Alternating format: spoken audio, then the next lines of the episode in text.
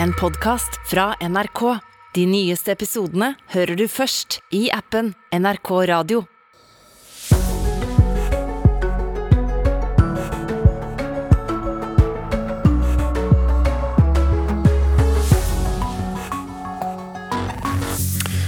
Da er det bare å pakke reisevesken for alle som skal ut og fly med SAS. Streiken er eh, over. SAS-sjef i Norge, Kjetil Håbjørg, når flyr dere som normalt igjen?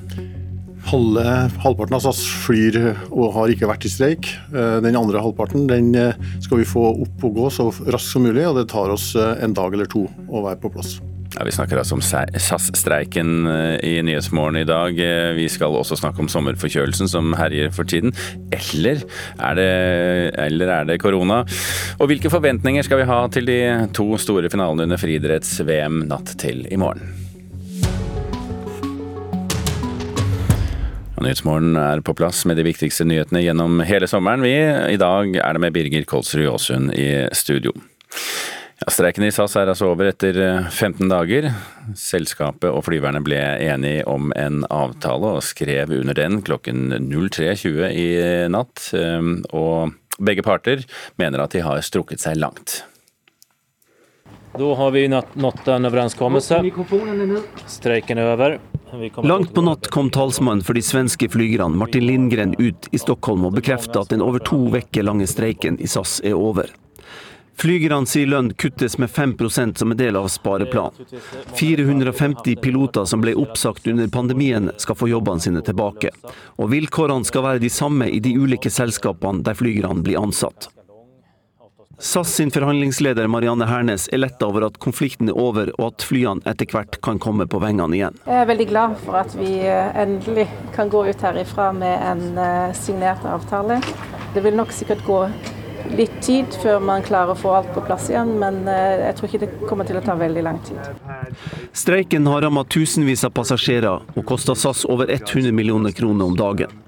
Den øverste sjefen i SAS, Anko van der Werf, sier at det gjenstår mye arbeid før flyselskapet er stabilt. Men han sier at det at flygerne virkelig har bidratt, er gode nyheter. But the fact that the pilots have indeed now contributed and have really taken uh, taken their steps and are part of this and are part of SES Forward is great news. Roger Klokseth, som er leder i Norske SAS-flygeres forening, høres mellomfornøyd ut når han beskriver den over fem år lange avtalen som flygerne nå har gått inn på. Vi har gitt store besparelser. Vi har forverra vilkårene til våre medlemmer eh, på stort sett eh, de fleste punkter. Både altså, tjenestegjøring, arbeidstid, eh, lønn. Men samtidig til gjengjeld så har vi sikra at SAS-ledelsen følger tariffavtalene våre. Og at de gjelder i alle SAS-selskaper. Og at eh, SAS-ledelsen da vil eh, honorere reansettelsesretten til våre oppsagte.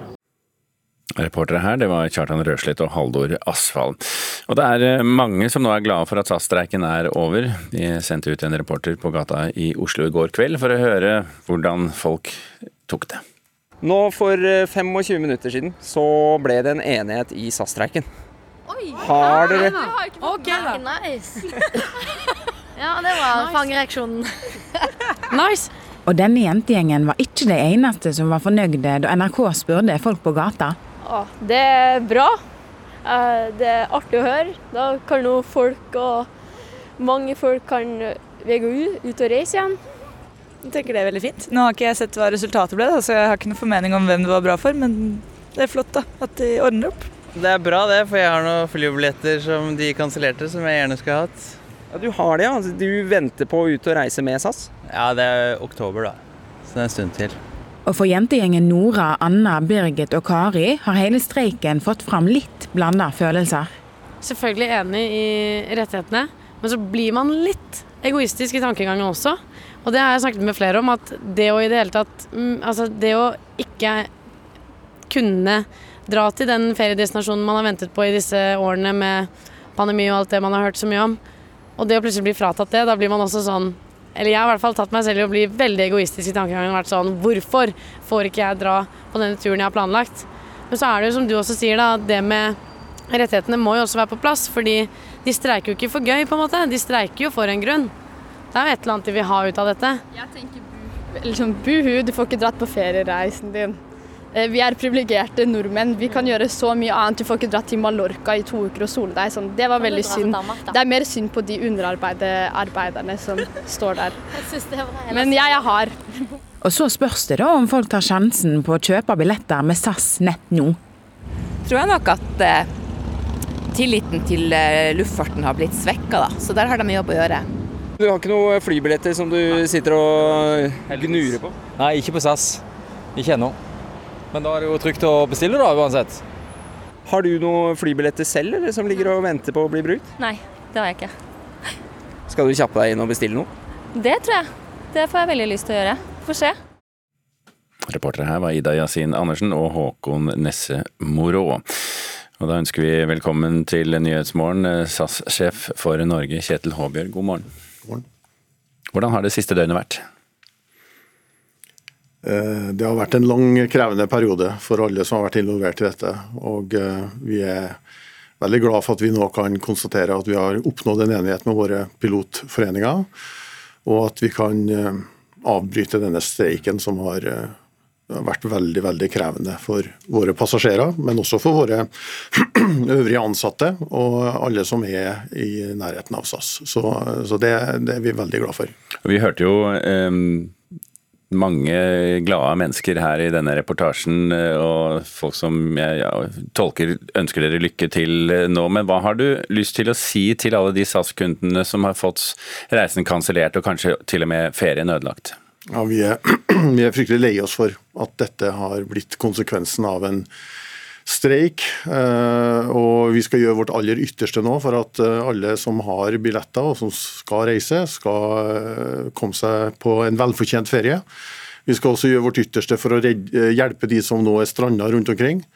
Vi vet at vi eh, har en jobb som er viktig for, eh, for mange. og, og eh, av og til så har vi dessverre da arbeidskonflikter sånn som vi har nå. Vi må konstatere at dette er en lovlig arbeidskonflikt, og, og den er jo Eh, den skal jo ramme eh, den andre part, så eh, det får vi bare konstatere. Men vi er desto gladere for å kunne si at nå har vi faktisk oppnådd en enighet. Men, men, du sier at dere, du har et blikk på de som er stranda ute. Hvordan kommer dere til å prioritere flyvninger og passasjerer nå fremover? Nå er det viktig for oss å komme i gang og, og få alle flyene i lufta. Og Da Eh, prioriterer vi selvfølgelig de plasser hvor vi vet at det er stranda passasjerer som ikke har kommet seg hjem. Og eh, Det er f.eks. på de greske øyer en del av de, og der er det vanskelig å komme seg hjem. Så det er destinasjoner som vi prioriterer. Mm. Eh, la oss spole litt tilbake, Håbjørg. Altså, streik i to uker nå. Hva var det ved det resultatet dere kom frem til som, jo, som var så umulig å komme frem til for to uker siden? Nei, Nå har vi en eh, konkurransedyktig tariffavtale med arbeidstidsbestemmelser som er bedre tilpassa det markedet som vi eh, opererer i. Men hvorfor kunne dere ikke fått den avtalen allerede for to uker siden? Nei, Vi er jo to parter i dette, og eh, diskusjonene nå er annerledes enn de var for to uker siden. Altså, og Det er forskjellen for oss. da. Det er viktig for oss å å, å, å, få løst denne konflikten, slik at vi kan se fremover. Vi har jo, dette er jo en del av en større plan hvor vi har en omstilling av hele SAS. Og det er viktig at vi nå får bevege oss fremover for SAS. Pilotene har jo eh, frasagt seg en, noen år med streikerett. Eh, de har også gått med på et lønnskutt. Kommer ledelsen i SAS til også å gå med på lønnskutt? Ja, alle eh, som jobber med og i eh, SAS må bidra for at dette skal lykkes. Og Det gjelder kreditorer, det gjelder eiere, det gjelder ansatte, inkludert ledelse. Inkludert deg? Inkludert meg. Mm. Hvor sunt var det for forhandlingsmiljøet at SAS søkte om konkursbeskyttelse i USA under streiken? Det, Den konkursbeskyttelsen i USA det er et verktøy vi har for å kunne eh, få en bedre diskusjon med våre kreditorer, og har ingenting med pilotene å gjøre. har Det ikke. Det er ikke alle pilotene som er eh, enig i det? Nei, jeg vet det. Og dette har nok blitt eh, fremstilt annerledes i media enn det som er et faktum. Mener du at pilotene har latt seg lure av media? Nei, ikke nødvendigvis. Men det er klart at i en konfliktsituasjon så blir det veldig mye oppmerksomhet, og da er det mange som har synspunkter.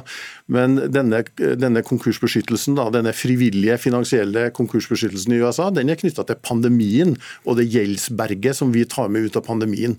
Og har ingenting med pilotene å gjøre. Men den streiken den medførte da at vi måtte fremskynde det tidspunktet for den løsningen i USA.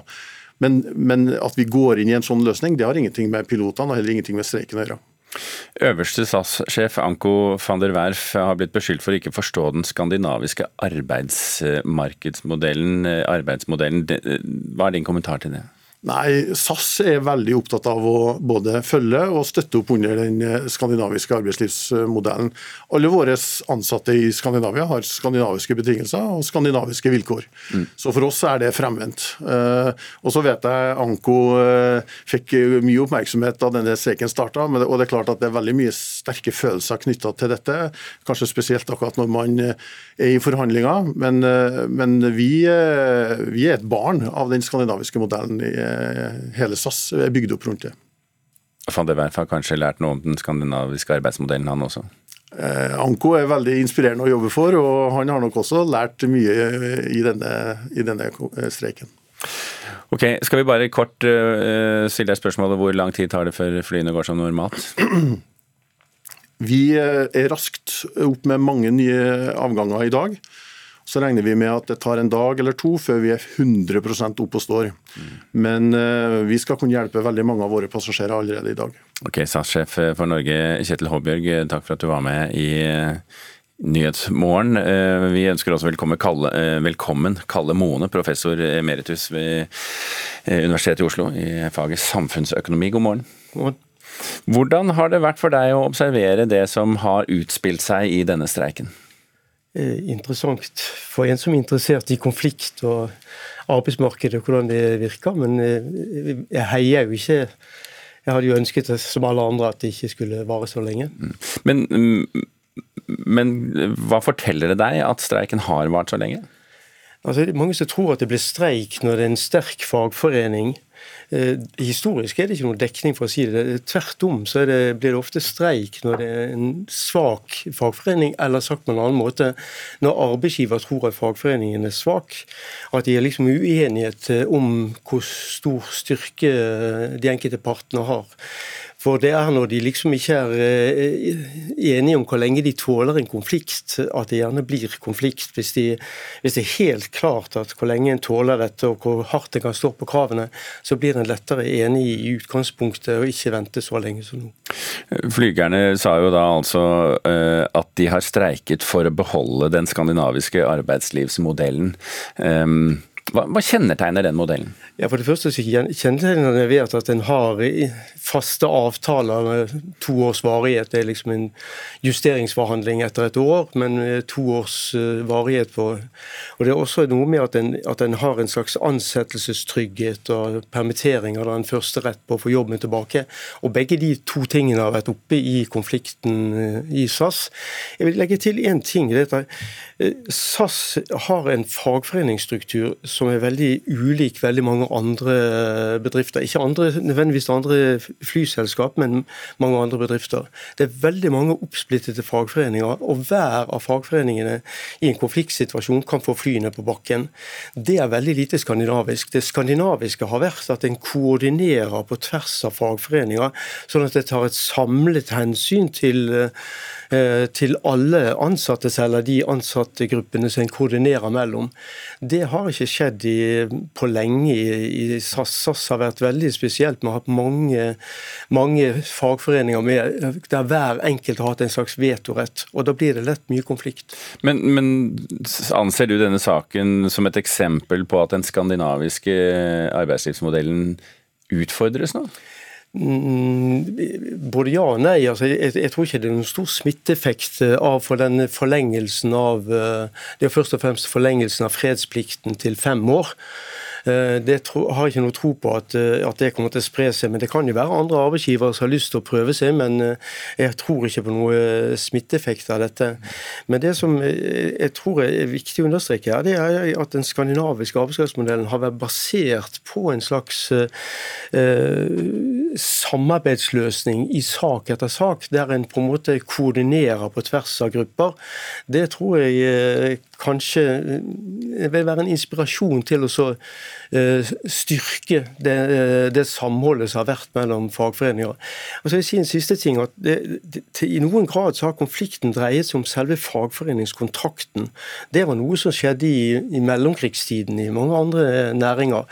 Da var det veldig, hadde Sverige og Norge verdensrekord i, i streiker og lockout målt som andel av arbeidsstyrken, tapte arbeidsdager som andel av arbeidsstyrken.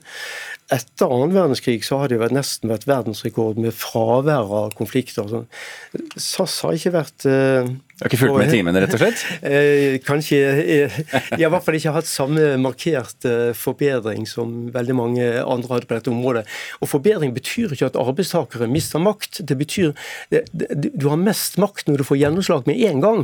Så, så streikevåpenet er viktig som ris bak speilet. Det er ikke streikevåpen for å streike, det er streikevåpen for å sette makt bak kravene. Og det er de tingene der som det har gått for langt i, i, i SAS til at, at det ser ut i gjentatte ganger. At det har vært store og små streiker i, i, i lengre perioder. Som gjør at, at, at noen ganger så har jo folk snakket om SAS som lille Somalia. At det liksom er alltid en liten konflikt som burer i selskapet. Eh, Håbjørg har sittet eh, og lyttet som en eh, skolegutt her på, på foredraget ditt, Kalle Mone. Vi får se hva som skjer i SAS, om det endrer seg etter hvert. Men uansett, tusen takk begge to for at dere var med her i Nyhetsmorgen.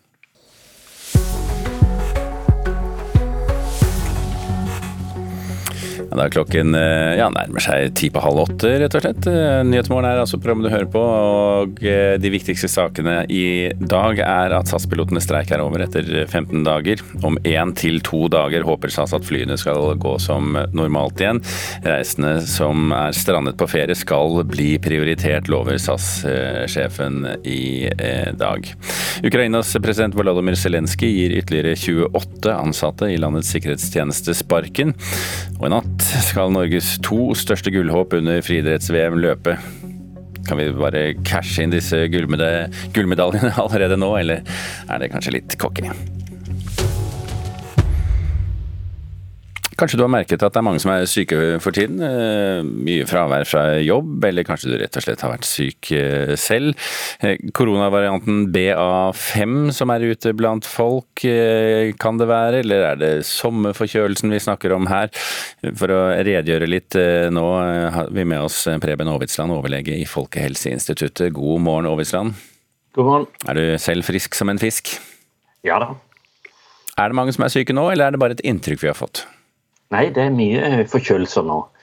Eh, vi hadde for en ukes tid siden oppimot 10 eh, i et sånt panel som vi har, som svarte at de hadde vært forkjøla sist uke. Er det, er det mye? De, 10 Ja, det er ganske mye. Men det er ikke så uvanlig at vi har en del forkjølelse på sommeren. Men nå har vi altså både vanlig forkjølelse, og så har vi forkjølelse og verre sykdom da, forårsaka av korona.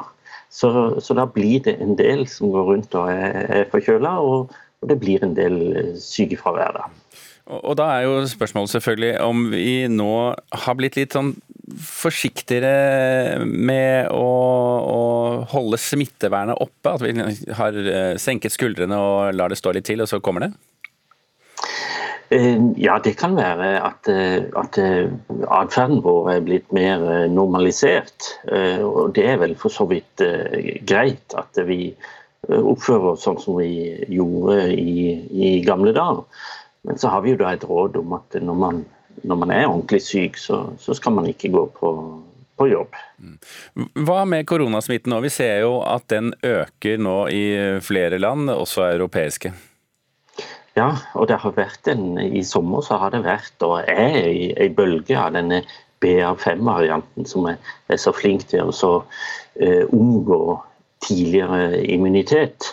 Sånn at vi har uh, ei bølge gående, også i Norge. Den ser nå ut til å være over toppen. Så vi, vi ser nok uh, en liten nedgang i innleggelser på sykehus f.eks. Og det er jo det vi nå er, er mest interessert i. altså disse alvorlige utfallene infeksjon. Og er det eh, på vei ned også i ja, Siden vi nå er opptatt av sommerferie, da, i, i land som nordmenn ferierer i? Nei, ikke, ikke jevnt over. Eh, flere steder i Europa nå tror vi at eh, bølgene er på topp, eller kanskje på vei oppover.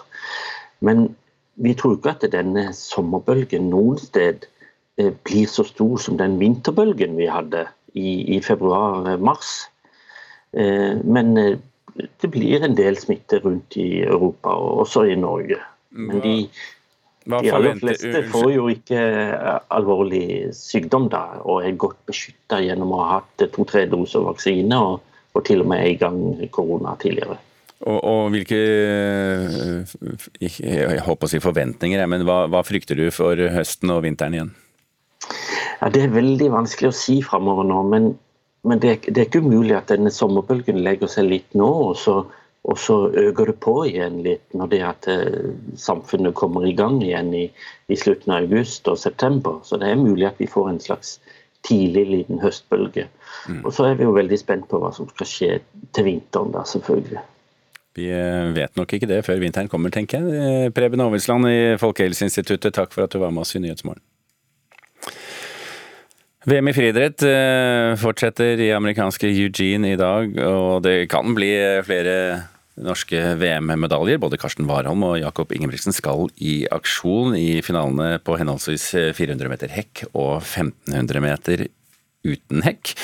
Sportsreporter Joakim Remvik, velkommen. Takk, takk. To finaler å følge med på for norske sportsinteresserte. Skal vi bare cashe inn disse gullmedaljene med en gang?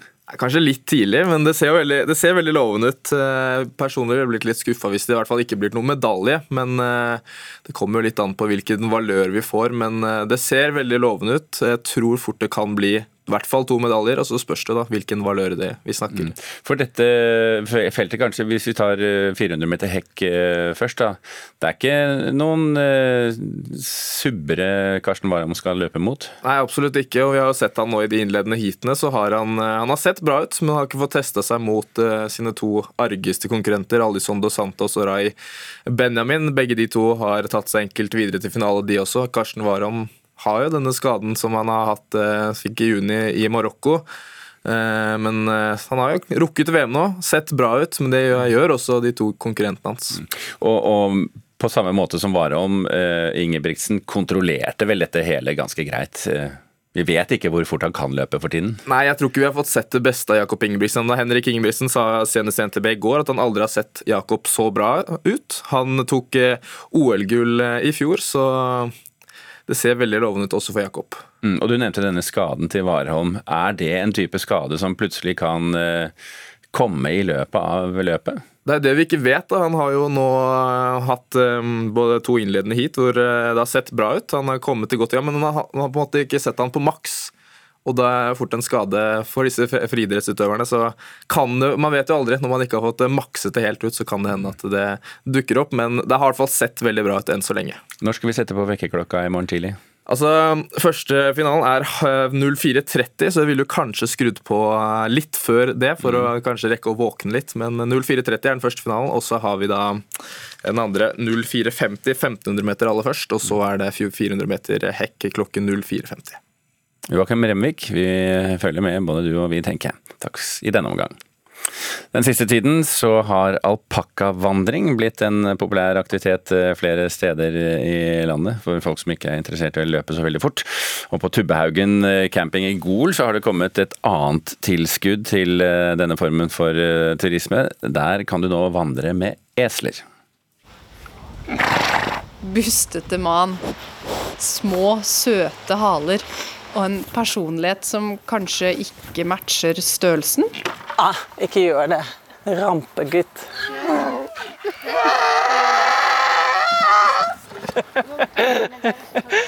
Det er typisk esel. De finner på så masse rart, så det, det skjer noe hver dag. Maike Wisser rekker akkurat å nappe til seg børsten før eselet Oskar løper av gårde med den. Ingen dag er lik med fem esler på tunet. Kom opp. Kom opp. Kom. Skriking og rampestreker er en del av sjarmen. Så da campingeierne på Tubbehaugen ønsket seg et kos- og klappetilbud for gjestene, var valget enkelt. Så sier jeg til, eh, til min mann Jan jeg tror det må bli esler. Ja, sier han, men eh, du kan ikke få tak i esler her i Norge. Og da var mitt svar men da skal vi ha esler. Men esler er sjelden vare, så paret måtte støvsuge finn.no for de lodne dyra. Alle eslene som var til saks i fjor på Finn, står på Tubbehaugen camping nå. Hvorfor ble det esler, da? De elsker å gå tur, og de elsker å, å ha kontakt med mennesker. Hvem har lyst til å ta Bobby? Maiki sæler opp eslene Missy og Bobby. I går passet det, så da passer det i dag også, antar jeg. Familien Steine skal nemlig prøve seg på eselvandring for første gang. Nei, det er som eh, å ta med unga ut litt. Det blir litt mye TV-titting og, og data. Mor Marry Reiten Steine. Esel er en strålende idé. Sånn. Da har dere Bobby. Bobby er veldig snill. Han kan nok eh, stanse litt opp i starten, men når dere har eh, rundt hjørnet der borte, så går han fra seg sjøl. Ja, for tur med esler kan jo by på en utfordring. Det er vel å få dem med der vi vil de skal gå. Vise hvem som er sjefen, så går det nok bra. Å, kom igjen. Kom, kom, kom. Kom. Ja, kom. Sta som et esel? Kom, kom. Det er visst noe i det. Nei. Se på det eselskiltet. Ja, det går fint. Etter en litt hakkete start beveger eslene og familien Steine seg endelig mer i samla flokk. Ja, nå er det litt roligere. Det var litt strabasiøst å begynne med. Så ser det ut som det går greit. Hvis vi får riktig esel først. Sånn. Det er flokkdyr. Og når man først får dreisen på dyra, så gir det faktisk mersmak. Ja, det gjør jo det. Vi kunne godt tenkt oss en litt lengre tur, kanskje. Det er jo mulig å leie de og, og gå en ganske lang tur innover fjellet. Så ha med en bagasjebærer, det kan være fint. Å, kom igjen. Kom, kom, kom. Ja, det var en eh, god tanke. Tubbehaugen eh, camping i Gol eh, er altså stedet å dra hvis du skal ta med deg et esel på tur. Reporter her, det var Vilde Jagland. Klokken er nå straks eh, 7.30. Det betyr en nyhetsoppdatering med Anders Borgen Werring. –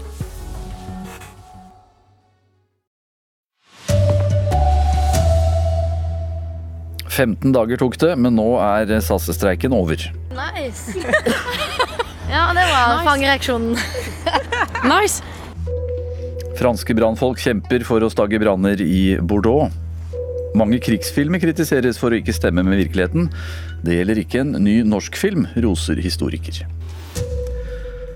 Her er NRK Dagsnytt, klokka er 7.30. Ja, streiken i SAS er altså nå over. Selskapet og flygerne ble enige om en avtale der begge parter mener de har strukket seg langt. Streiken er over. Langt på natt kom talsmannen for de svenske flygerne Martin Lindgren ut i Stockholm og bekreftet at den over to uker lange streiken i SAS er over. Flygerne sier lønn kuttes med 5% som en del av spareplanen. 450 piloter som ble oppsagt under pandemien skal få jobbene sine tilbake. Og vilkårene skal være de samme i de ulike selskapene der flygerne blir ansatt. SAS sin forhandlingsleder Marianne Hernes er letta over at konflikten er over og at flyene etter hvert kan komme på vengene igjen. Det vil nok sikkert gå litt tid før man klarer å få alt på plass igjen, men eh, jeg tror ikke det kommer til å ta veldig lang tid. Streiken har rammet tusenvis av passasjerer og kosta SAS over 100 millioner kroner om dagen. Den øverste sjefen i SAS, Anko van der Werf, sier at det gjenstår mye arbeid før flyselskapet er stabilt. Men han sier at det at flygerne virkelig har bidratt, er gode nyheter. But the fact that the pilots have indeed now contributed and have really taken uh, taken their steps and are part of this and are part of SES Forward. Roger Klokseth, som er leder i Norske SAS-flygeres forening, høres mellomfornøyd ut når han beskriver den over fem år lange avtalen som flygerne nå har gått inn på. Vi har gitt store besparelser. Vi har forverra vilkårene til våre medlemmer eh, på stort sett eh, de fleste punkter. Men samtidig til gjengjeld så har vi sikra at eh, SAS-ledelsen følger tariffavtalene våre, og at de gjelder i alle SAS-selskaper. Reporter her, det var Kjartan Røslett og Haldor Asvald. Så skal vi ta en tur til eh, Gardermoen. Det er jo ikke noen SAS-fly, eh, så mange av dem i lufta foreløpig. Men reporter Hina Jalil, hvordan er stemningen på Gardermoen? Det er eh, stabil trafikk og flere reisende når vi er midt oppe i fellesferien. For i natt ble SAS-streiken avblåst etter 15 dager. Og vi har med oss Geir og Tobias som skal til Frankrike, men ikke med SAS. Hva flyr dere med? Vi flyr med Flyr. Og hvor stor er tilliten deres til SAS nå, Geir? Eh, jeg vil si at eh, den er litt redusert akkurat nå, rett etter streiken. Men kommer, jeg er ganske sikker på at det kommer tilbake igjen. Forrige gang var det Norwegian som hadde problemer. Flyr har vel ikke foreløpig hatt noe, men eh, vi får se når det skjer. da. Hele bransjen virker som de har et problem. Ja. Og du da, Tobias? Nei, jeg er enig med det som blir sagt her, altså. Men uh, SAS, det er, jo, det er, jo, mye trøbbel for tida. Det er det. Men uh, det er bare å håpe at uh, det ordner seg til slutt. Det gjør jo som oftest det. Men sånn som det ser ut nå, så er det jo det er ikke helt bra sånn tilstanden er. Hvor stor er sannsynligheten for at du bestiller din neste tur med SAS?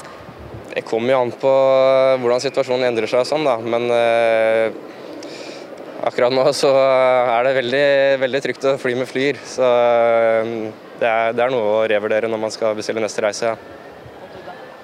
ja, jeg tror jeg kommer til å fly med SAS ganske snart igjen, altså. Det tror jeg. Jeg er subsidiert av statene her i Skandinavia. Det er fint, det. Kjenner dere noen som har fått eh, turen sin kansellert?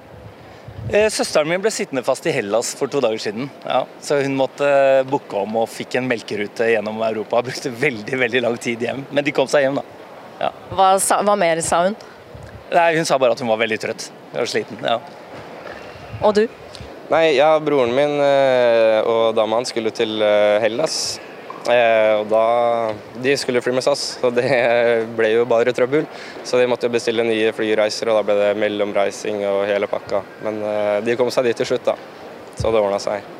Og selv om streiken er avsluttet, sier SAS at de vil trenge to til fem dager før de får alle flyene tilbake i lufta. Og bare i dag er 114 flyvninger til og fra Norge innstilt. Takk skal du ha, reporter Hina Jalil som var direkte på um, Gardermoen. Ja, SAS-sjefen for Norge Kjetil Håberg, han sier han er eh, lei seg for ulempene som streiken har medført eh, for passasjerene. og Nå skal eh, selskapet prioritere å hente hjem strandede turister, sier han. Ja, Vi er fryktelig lei oss for at dette har blitt konsekvensen av en streik. Og vi skal gjøre vårt aller ytterste nå for at alle som har billetter og som skal reise, skal komme seg på en velfortjent ferie.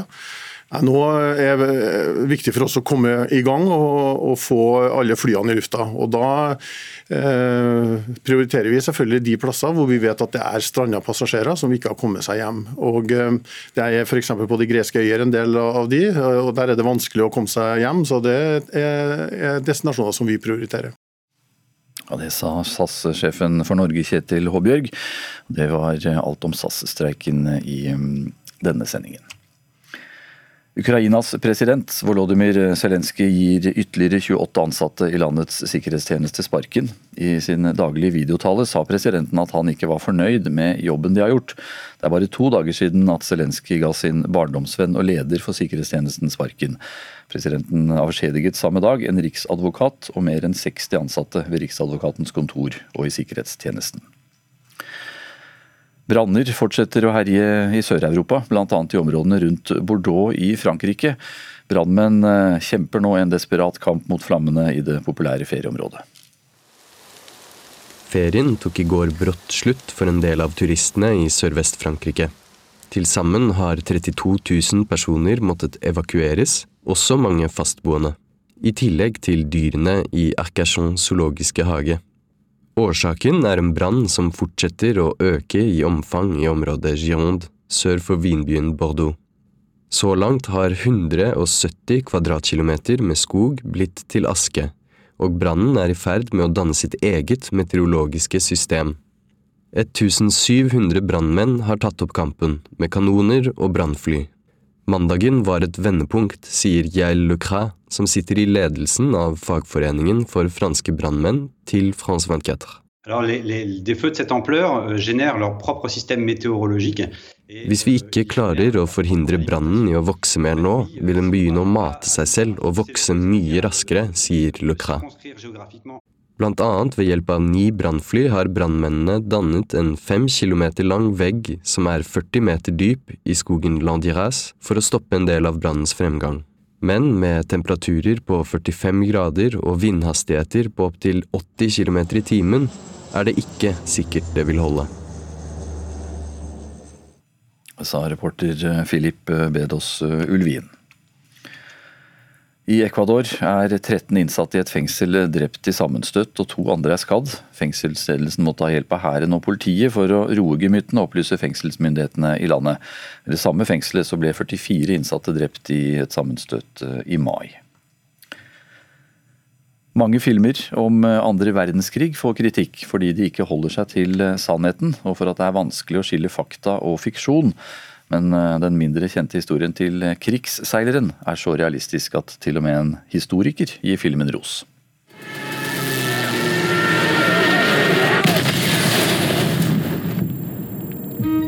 Plutselige angrep, uten våpen og ikke i stand til å forsvare seg mot fienden.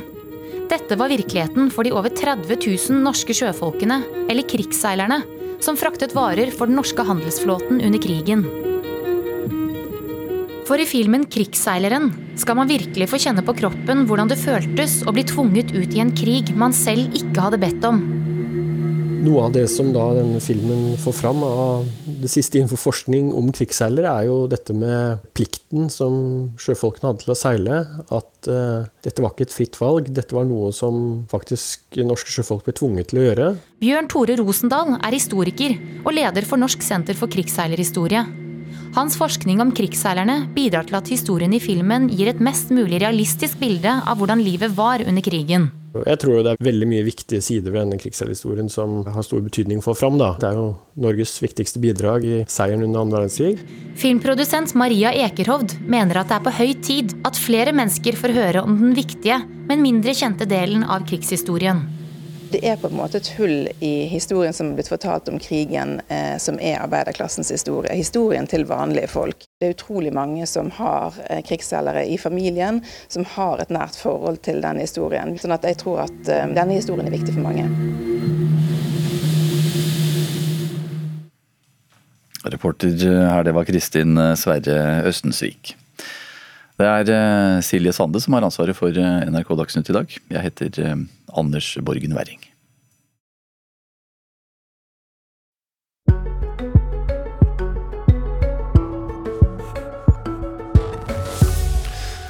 Sommer er høysesong for useriøse tilbud om hjelp til å fikse på hus og hage. Skatteetaten de advarer nå på det sterkeste mot omreisende useriøse håndverkere som selger tjenester på døra. Reporter Andrine Gallen Myklebust hun var med da Skatteetaten denne uken gikk ut med advarsler i postkassene til folk i Tromsø. Så der. Han plasserer dagens første brosjyre i en av de hvite postkassene. Trond Båtnes er underdirektør i Skatteetaten, og sammen med Skattepatruljen er han i dag i Tromsdalen for å advare folk om omreisende håndverkere som driver useriøs business. Situasjonen nå er jo at vi har sett en, en økning i tilfanget på de her omreisende per nå. Og, og det, det, er jo ikke heldig. fordi det er jo no, alltid noen som kjøper de tjenestene som, som de leverer. da. De omreisende tilbyr bl.a. måling av hus, snikkering og klipping av plen og alt dette til svært gode priser. Nå jobber skatteetaten aktivt med synlighetskampanje for å advare folk mot useriøse håndverkere med dårlige hensikter. For med gode tilbud kommer det også en rekke konsekvenser. I utgangspunktet så høres det veldig billig ut. Man, eh, man får et tilbud som er for godt til å være sant. Og så har de, da har de en inngang. De kommer inn, maler huset, og så leverer de tilleggstjenester. De kan begynne å snekre, og så skal de ha mer og mer penger. Eh, de oppfører seg eh, ja, kanskje ikke som vanlige snekkere i henhold til det vi er vant med. Det er fremdeles noen som lar seg lure av de gode tilbudene. Derfor har skatteetaten nå satt inn patruljer for å forebygge. Og på samme måte som de omreisende håndverkerne gjør seg synlige med flygeblad i postkassene, har nå også skatteetaten tatt i bruk samme metoden. Du kan bare huske den og den og den og den og den. Ja. Det er viktig. En av de som bor her, er Per Gustav Eriksen. I postkassa finner pensjonisten dagens aviser, reklameblad og ei lita brosjyre fra skatteetaten. Jeg har fått en uh, brosjyre om ikke å ta imot tilbud fra håndverket som ringer på døra. Sjøl lar han seg ikke lure av gode tilbud, men syns det er trist for de som lar useriøse håndverkere slippe til. Det er jo veldig dumt, for de kan jo få gjort et veldig dårlig arbeid, og det har jo også økonomiske konsekvenser hvis det skulle bli en, en sak ut av det etterpå. Og sak kan det fort bli. Og ikke bare for de som tilbyr tjenestene, men òg for de som lar seg lokke av de gode tilbudene. Hvis du betaler kontant over 10 000 Eh, du kan betale opptil 10 000 uten at det får konsekvenser, men betaler du over 10 000, eh, så kan det få konsekvenser. Da eh, kan du i verste tilfelle, hvis den aktøren ikke betaler skatte og avgifter, bli holdt medansvarlig. Og i forhold til bøter sånn, kan den bli bøtelagt osv.? Det kan man. Man kan bli anmeldt av skatteetaten til politiet og bli bøtelagt derifra. En som ikke har tenkt å bruke feriepengene på å betale bøter, er Per Gustav. Han er nøye på hvem han velger å slippe til og ikke. Jeg vil gjerne vite at det er skikkelige håndverkere som du har referanser på, som gjør ordentlig arbeid. Bruk lokale håndverkere som du er kjent med, og som har gode referanser. Også underdirektøren i skatteetaten har en tydelig oppmoding til folk. Ta en bakgrunnssjekk, vit hvem du handler med. Skriv kontrakt med dem du handler med, og ikke betal kontant. Eh, ta alt over bank, da vet du iallfall. Per Gustav og resten av naboene har fått sin advarsel i postkassa. Nå skal de siste kassene fylles, før turen går videre til andre postkasser i Tromsø. Nå får de sikkert eh, x antall eksemplarer. Vi er veldig fornøyd. Reporter i Tromsø, det var Andrine Gahl Myklebust. Klokken er straks eh, kvart på åtte. Du får eh, sommerkvarteret her i Nyhetsmorgen, men la meg minne om hva som er våre toppsaker først. SAS-pilotenes streik er over etter 15 dager. Om én til to dager håper SAS at flyene skal gå som normalt igjen. Reisende som er strandet på ferie skal bli prioritert, lover sjefen for SAS Norge. Ukrainas president Volodymyr Zelenskyj gir ytterligere 28 ansatte i landets sikkerhetstjeneste sparken. Og mange krigsfilmer kritiseres for ikke stemme med virkeligheten. Det gjelder ikke en ny norsk film, roser historiker. Ja, Politisk kvarter har jo tatt sommerferie, men sommerkvarteret får du møte kjente og ukjente stemmer som på en eller annen måte er midt i de store endringene som skjer i Norge i dag. Og i dag har reporter Trond Lydersen snakket med riksadvokat Jørn Sigurd Maurud.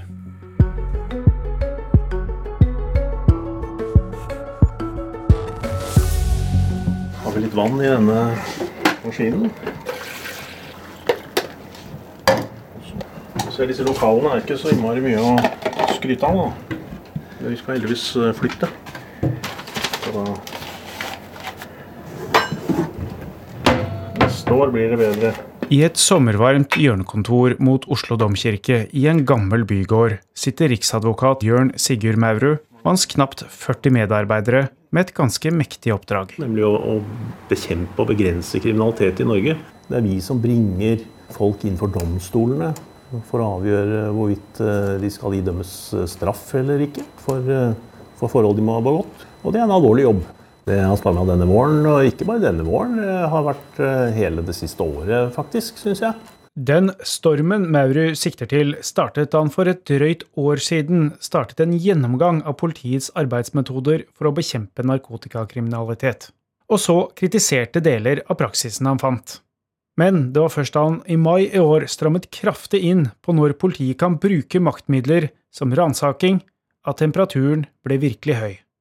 I rundskrivet med de nye retningslinjene han sendte ut til politidistriktene, pekte han på de ferske høyesterettsdommene som slo fast at rusmisbrukere med stoff til eget bruk ikke skal møtes med fengsel, fordi stortingsflertallet ikke lenger ønsker dette. Men kritikerne hans mener at politiet fortsatt med lov i hånd kan ransake fordi den bakenforliggende kriminaliteten er så alvorlig. Det å gjennomgå telefonen til en person er, en ganske, det er et ganske alvorlig inngrep. Selv om du opplagt har gjort noe som da fortsatt er kriminelt, ha stoff, Kjøp stoff? Som gir deg en bot på 3000 kroner. Det er ikke så alvorlig likevel? Nei, som kriminalitet som straffesak betraktet er ikke så alvorlig. At det berettiger at du skal kunne gå gjennom alle dine bilder på telefonen, alle dine tekstmeldinger eller slike ting, som, som oppleves som et ganske betydelig inngrep. Da. Er det det politiet har eh, gjort gærent? I en del tilfeller så har man ikke hatt kompetanse til å beslutte den ransakingen. Rett til. Ja, rett til. Men hvem er ansvarlig hvis lovene har vært brukt feil? Du kan ikke sjekke om folk går rundt med stoff bare sånn tilfeldig. Det har du aldri hatt anledning til å gjøre. Du må ha en grunn til å mistenke at noen går rundt med stoff. Man, man har jo gjort det mange år før. det er meget mulig. Uh, Hvorfor har dere ikke stoppa det da herfra, da, hvis det var de samme lovene som gjaldt da? Ja, Det er et godt spørsmål. fordi det, det At ikke vi har hatt en oppmerksomhet rundt dette Det har vært kjent? Uh, ja, det har vært kjent. Men uh, samtidig så Altså Vi som arbeider i hvert fall i den høyere påtalemyndighet, vi har jo drevet med inspeksjonsvirksomhet og vi har drevet med, med oppfølging av straffesaksbehandlingen. Men, men, vår interesse har jo hele tiden vært mot de alvorlige sakene. ikke sant? Og de som har fått stor oppmerksomhet hos oss. Eh, og dette som gjelder bruker av narkotika og, og bruk av tvangsmidler, det har på en måte gått eh, litt under radaren inntil dette ble veldig tydelig i den ruspolitiske diskusjonen i forbindelse med, med rusreformen. Da ble det veldig tydelig at eh, her var det, her var det en del eh, usikkerhet og uklarhet rundt hva man kunne og ikke kunne gjøre. Og så bestilte dere en hva skal vi si, egenmelding fra politidistriktene om hvordan man håndterer dette her. Og Der har dere levert inn rapporter. Og så konkluderte med at det her var det ganske mye som ikke var på stell. Ja. Hva er det som var så gærent? Ja, det er, mye har vært veldig bra. Det, mye er det ikke noe grunn til å sette fingeren på. Men, eh, men for enkelte områder, og da typisk eh, ransakinger av mobiltelefoner, eh, kompetansegrunnlag, altså hvem, hvem kan beslutte å ransake, på de områdene fant vi en del en del avvik, kan man si. Såpass mange at, eh, at vi har funnet grunn til å ta en ny undersøkelse nå, da. Etter, etter brevet av 9.4, for å se om, om det på en måte har seget eh, inn.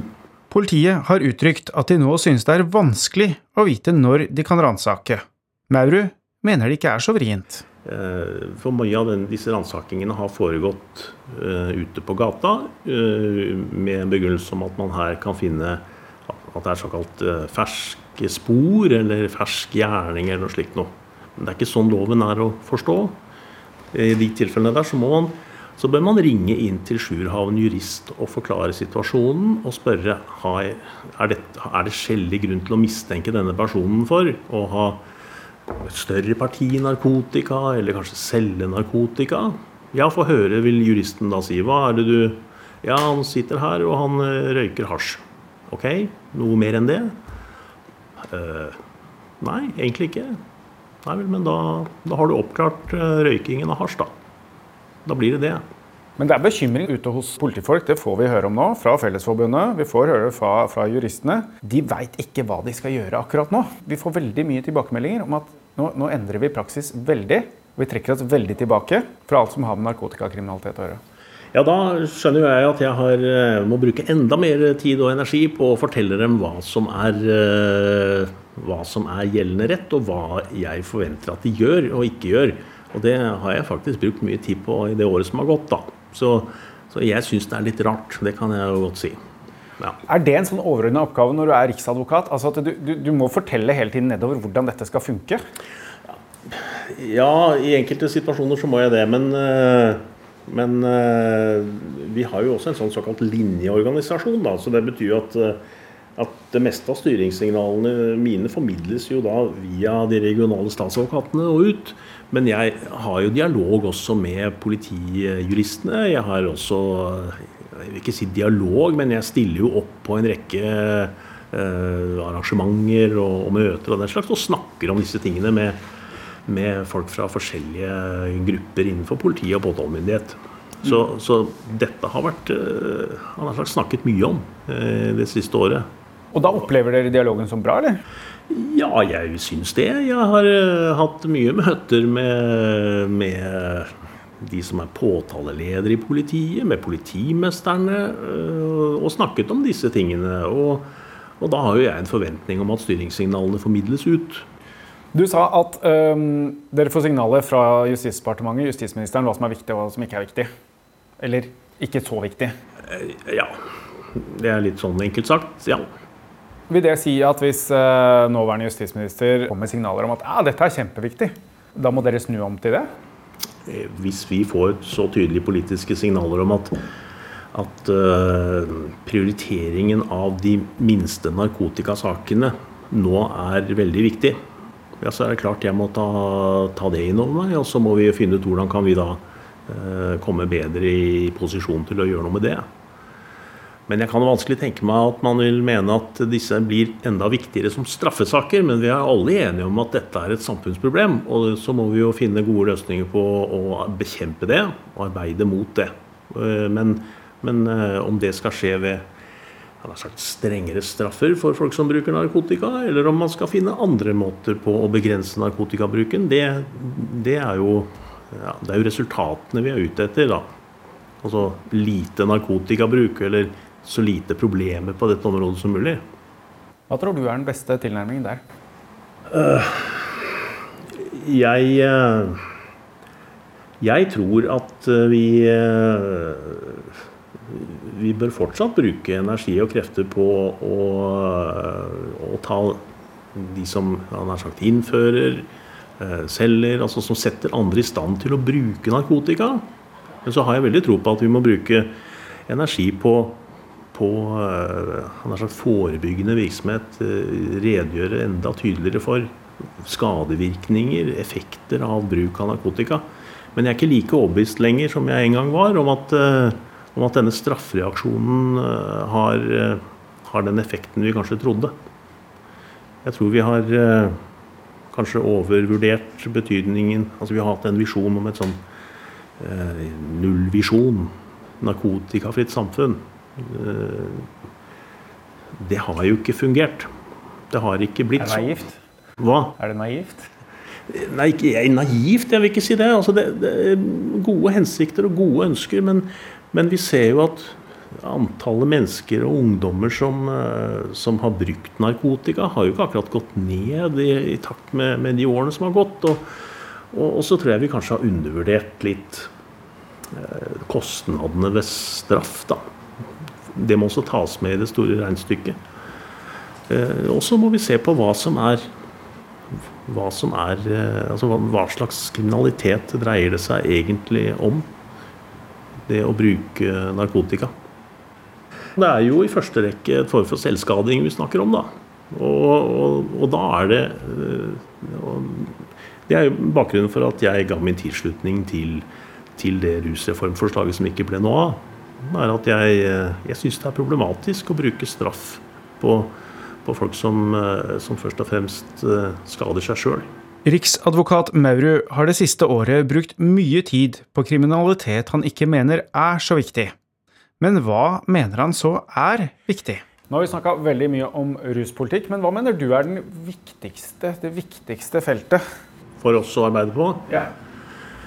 Ja, vi har eh, Vi har eh, Altså, vi har jo selvfølgelig de alvorlige voldsforbrytelsene, seksuallovbruddene. Men et område som jeg har vært opptatt av i de senere år, er jo også det som er stor sånn samfunnsskadelig aktivitet, da, som knytter seg til, eh, til, økonomisk kriminalitet i alle fasetter. Arbeidsliv. Vi har eh, korrupsjon. Vi har eh, forskjellige former for økonomisk kriminalitet som, som jeg syns vi har vært eh, Altså, vi greier ikke å levere gode nok resultater på det området. Vi oppklarer ikke nok saker. Vi har ikke tilstrekkelig innsats på de områdene. Og det skulle jeg ønske at vi kunne gjøre bedre, og det jobber vi med. Så der kommer det noen nye retningslinjer fra dere, eller? ja, nei, dette vil, du, dette vil, du, kunne se ut fra mål- og prioriteringsrundskrivet vårt. At dette er områder som, som jeg vil at politiet skal prioritere. Og så er det jo mange andre saker eh, som man, eh, som man også strever med. Men, men, eh, vi får en ganske betydelig endring på dette området, håper jeg. da. Fordi nå, nå har det skjedd noen endringer i straffeprosessloven som gjør at, at også statsadvokatene i mye større utstrekning kan få, få anledning til å bruke energi og ressurser også mot disse typene kriminalitet. Økokrim gjør en formidabel innsats på dette området allerede, syns jeg, men, men, de greier ikke å gjøre det alene. Altså, de må ha, altså, vi må være flere som, som uh, er inne på dette området. Og da tror jeg at en økt oppmerksomhet fra statsadvokatenes side mot politidistriktene på dette området vil bidra til å, å få opp oppmerksomheten og trykket på denne delen av, av kriminalitetsfeltet også. Uh, vi er veldig gode på på drap og, og seksuallovbrudd og sånn, syns jeg. Og bruke mye ressurser og energi på det, og det skal vi fortsette med. Men vi må, vi må også bruke energi på, på annen og også samfunnsskadelig kriminalitet, som jeg syns, eller tenker det er. Og om de siste ukene har vært preget av kontroverser rundt ruspolitikk, narkotikakriminalitet og hans rolle i forhold til hva politiet kan gjøre og ikke gjøre, så starter ferien i hvert fall rolig. Og også da har riksadvokat Maurud en klar mening om hva som er riktig, og er ikke til å rokke. Jeg skal, eh, jeg skal først Jeg har en hytte eh, i Telemark som jeg, eh, ingen vil bli med meg på, men, men den, der skal jeg være en ukes tid. Og det er fordi den hytta er bygget i 1956 og er holdt veldig original siden den gang. Så komforten er jo deretter, da. Men men jeg liker meg der. Og så eh, har jeg et hus i Danmark sammen med hun jeg bor sammen med, som, eh, som eh, vi skal til etterpå. Der er komforten atskillig høyere. Og så, ja Hun er halvt dansk. Nå vil jeg si at uh, Hanne Bjurstrøm, hun er, jo, hun, hun er jo norsk, da. Men har en halvt dansk en perfekt sommerkveld. Det kommer litt an på hvor jeg er. Altså, men eh, for meg er det jo veldig perfekt å være på denne eh, Gerhardsen-hytta i Telemark. Og eh, fiske abbor. Og, og det ikke blåser, og ikke for mye mygg og, og knott og sånn. Og kanskje sitte i prammen med en halv øl og, og fiske fisk. Det er koselig. Tenke minst mulig på kriminalitet? Ja, blir ikke litt negativ i hodet da, å skulle jobbe med det dagen lang? Jeg er flink til å koble, koble ut, jeg. Ja. Er, eh, jeg har jo jeg har både fiskestang og Apple TV og muligheter for å se på ja, adspredelser. Det er ikke noe, det er ikke noe vanskelig.